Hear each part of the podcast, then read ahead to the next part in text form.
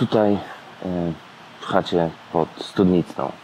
Pomyślałem sobie, że mm, to taki dobry moment, żeby podsumować ten sezon. Bo okazuje się, że te moje odcinki YouTube'owe zaczęły się składać w takie opowieści od września do września. W związku z tym e, zostały nam jeszcze dwa odcinki i chciałbym je poświęcić na opowiedzenie o dwóch takich e, zwrotach, które e, bardzo często pojawiają się w edukacji, są kierowane do nauczycieli, ale też często kierowane do uczniów, do rodziców. I chciałbym spróbować podjąć się tego, żeby wytłumaczyć, co one dla mnie znaczą i dlaczego one budzą we mnie tyle agresji. Pierwszym z nich jest e, taki zwrot daj sobie prawo.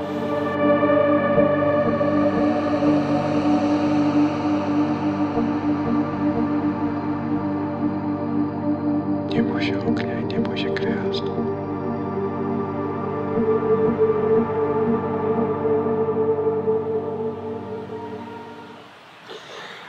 To jest taki zwrot, który mm, we mnie budzi dużo takich y, logicznych zagwozdek. Bo po pierwsze, żeby dać sobie coś, to trzeba to mieć. W związku z tym, jeśli ty masz sobie coś dać, e, a już to masz, no to po co? Druga kwestia mm, dotyczy takiej relacji, powiedzmy, lennej. To znaczy, jeżeli ktoś mi mówi, zrób sobie coś, nawet jeżeli w dobrej wierze, zrób sobie prysznic, zrób sobie e, odpoczynek właśnie, zrób sobie coś tam, e, to ten ktoś ma kontrolę nade mną i to ten ktoś nadaje mi e, ton, mówi, co mam robić. E, co z gruntu wyprowadza mnie z równowagi. Natomiast e, problem jest taki, że e, posługujemy się tutaj kategorią prawa. To znaczy czegoś, co mi się albo należy, albo czegoś, co, o co powinienem zadbać, albo coś, co powinienem egzekwować.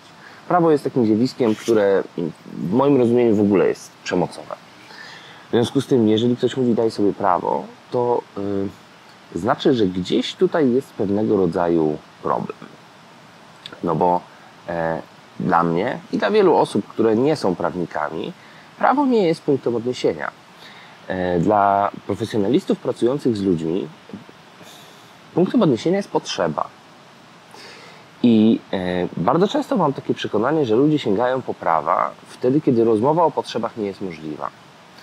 E, to znaczy, mówimy sobie, daj sobie prawo, wtedy, kiedy mm, nie jesteśmy w stanie powiedzieć sobie i ludziom dookoła nas, ja potrzebuję, ja bym chciał, mi zależy, dobrze by było dla mnie, gdyby. E, wtedy, kiedy nie mamy takiej przestrzeni do mówienia sobie o e, potrzebach, no to wtedy mówimy o prawach. Mówimy, ja mam prawo wypocząć, ja mam prawo nie odbierać telefonu, ja mam prawo nie odpisywać na maile, ja mam prawo pójść sobie w karkonosze, popatrzeć na zachmurzone niebo e, i być od, totalnie odciętym od świata. Tak, absolutnie tak. Tylko umyka nam tutaj potrzeba i umyka nam to, że w kolejnych sytuacjach mogą się pojawić kolejne potrzeby, albo mogą się pojawić w ogóle takie potrzeby, które nie zostały opisane prawnie. Na przykład potrzeba e, porozmawiania z kimś, kto też chce z nami porozmawiać. Nie można podejść do kogoś i powiedzieć, słuchaj, ja mam prawo raz na czas z kimś pogadać i teraz to będziesz ty. No nie. E, prawo nie gwarantuje tego, że nasze potrzeby będą realizowane. Prawo gwarantuje pewnego rodzaju przymus wrzucane rzeczywistości. W związku z tym e, wydaje mi się, że e, gdzieś za tym daj sobie prawo jest ukryte mówienie o potrzebach. I bardzo często w tych prostych przekazach dotyczących no właśnie praw, w Instagramie, w internecie, w różnego rodzaju webinarach, spotkaniach itd. Tak bardzo często te komunikaty E, dotyczą prawa e, rozumianego jako przymus rzucony rzeczywistości. Ty rzeczywistości musisz się poddać, bo ja teraz chcę odpoczywać. E, a nie uczy nas to tego, jaka jest nasza potrzeba, że ja potrzebuję czegoś. I myślę sobie, że e, bardzo często jest tak, że wtedy, kiedy e, zabieramy się za odczytanie naszych potrzeb, to e, okazuje się, że stajemy się bezbronni, że trzeba wystawić miękki brzuch i powiedzieć, no ja potrzebuję czegoś, bo jeśli tego nie dostanę, nie będę mógł pełnić swoich funkcji, nie będę dobry, nie będę tak dobry w tym, co robię, nie będę w stanie kontynuować robienia tego, co robię. E, To jest jedna sprawa, a druga sprawa dotyczy tego, że wtedy, kiedy my próbujemy nasze potrzeby odkryć, to bardzo często zajmujemy się czymś, czym nie, nie zajmowaliśmy się od dłuższego czasu. Bo zajmowaliśmy się potrzebami innych, zajmowaliśmy się potrzebami e, instytucji, w których e, pracujemy, osób, z którymi pracujemy, innych współpracowników, a nasze potrzeby skrzętnie odkładaliśmy gdzieś tam na kolejne plany. E, I w efekcie my nie mamy nawyku e, słuchania i odkrywania swoich potrzeb. W związku z tym e, grzebanie w tym temacie zaczyna być bolesne. E, I to wcale nie znaczy, że trzeba przestać. To wcale nie znaczy, że y, my nie mamy potrzeb, tylko prawa. Nie, nie, nie. To znaczy, że trzeba się uważnie przyjrzeć tym potrzebom. Zastanowić się nad tym, co mówię, jaki mam interes w tym, co ja chcę uzyskać przez to, co mówię.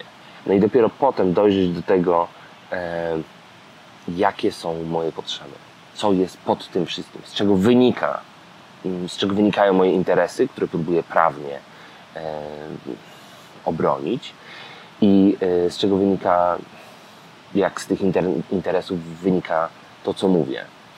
E, Wydaje mi się, że e, ten sposób patrzenia na potrzeby spowoduje, że e, nie będziemy musieli walczyć o swoje prawa, tylko będziemy mogli skupić się na realizowaniu swoich potrzeb.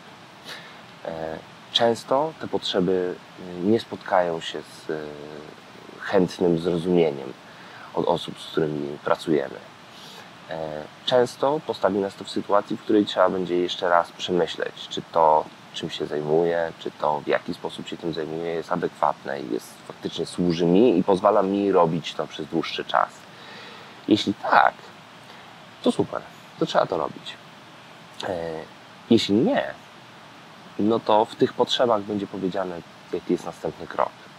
To będzie wymagać dużej odwagi i dużego mm, pewnie poświęcenia, natomiast y, spowoduje, że będziemy w stanie e, działać w taki sposób, który mm, nie będzie nas niszczyć i nie będzie niszczyć ludzi dookoła nas przez zmuszanie ich do tego, żeby respektowali nasze prawa.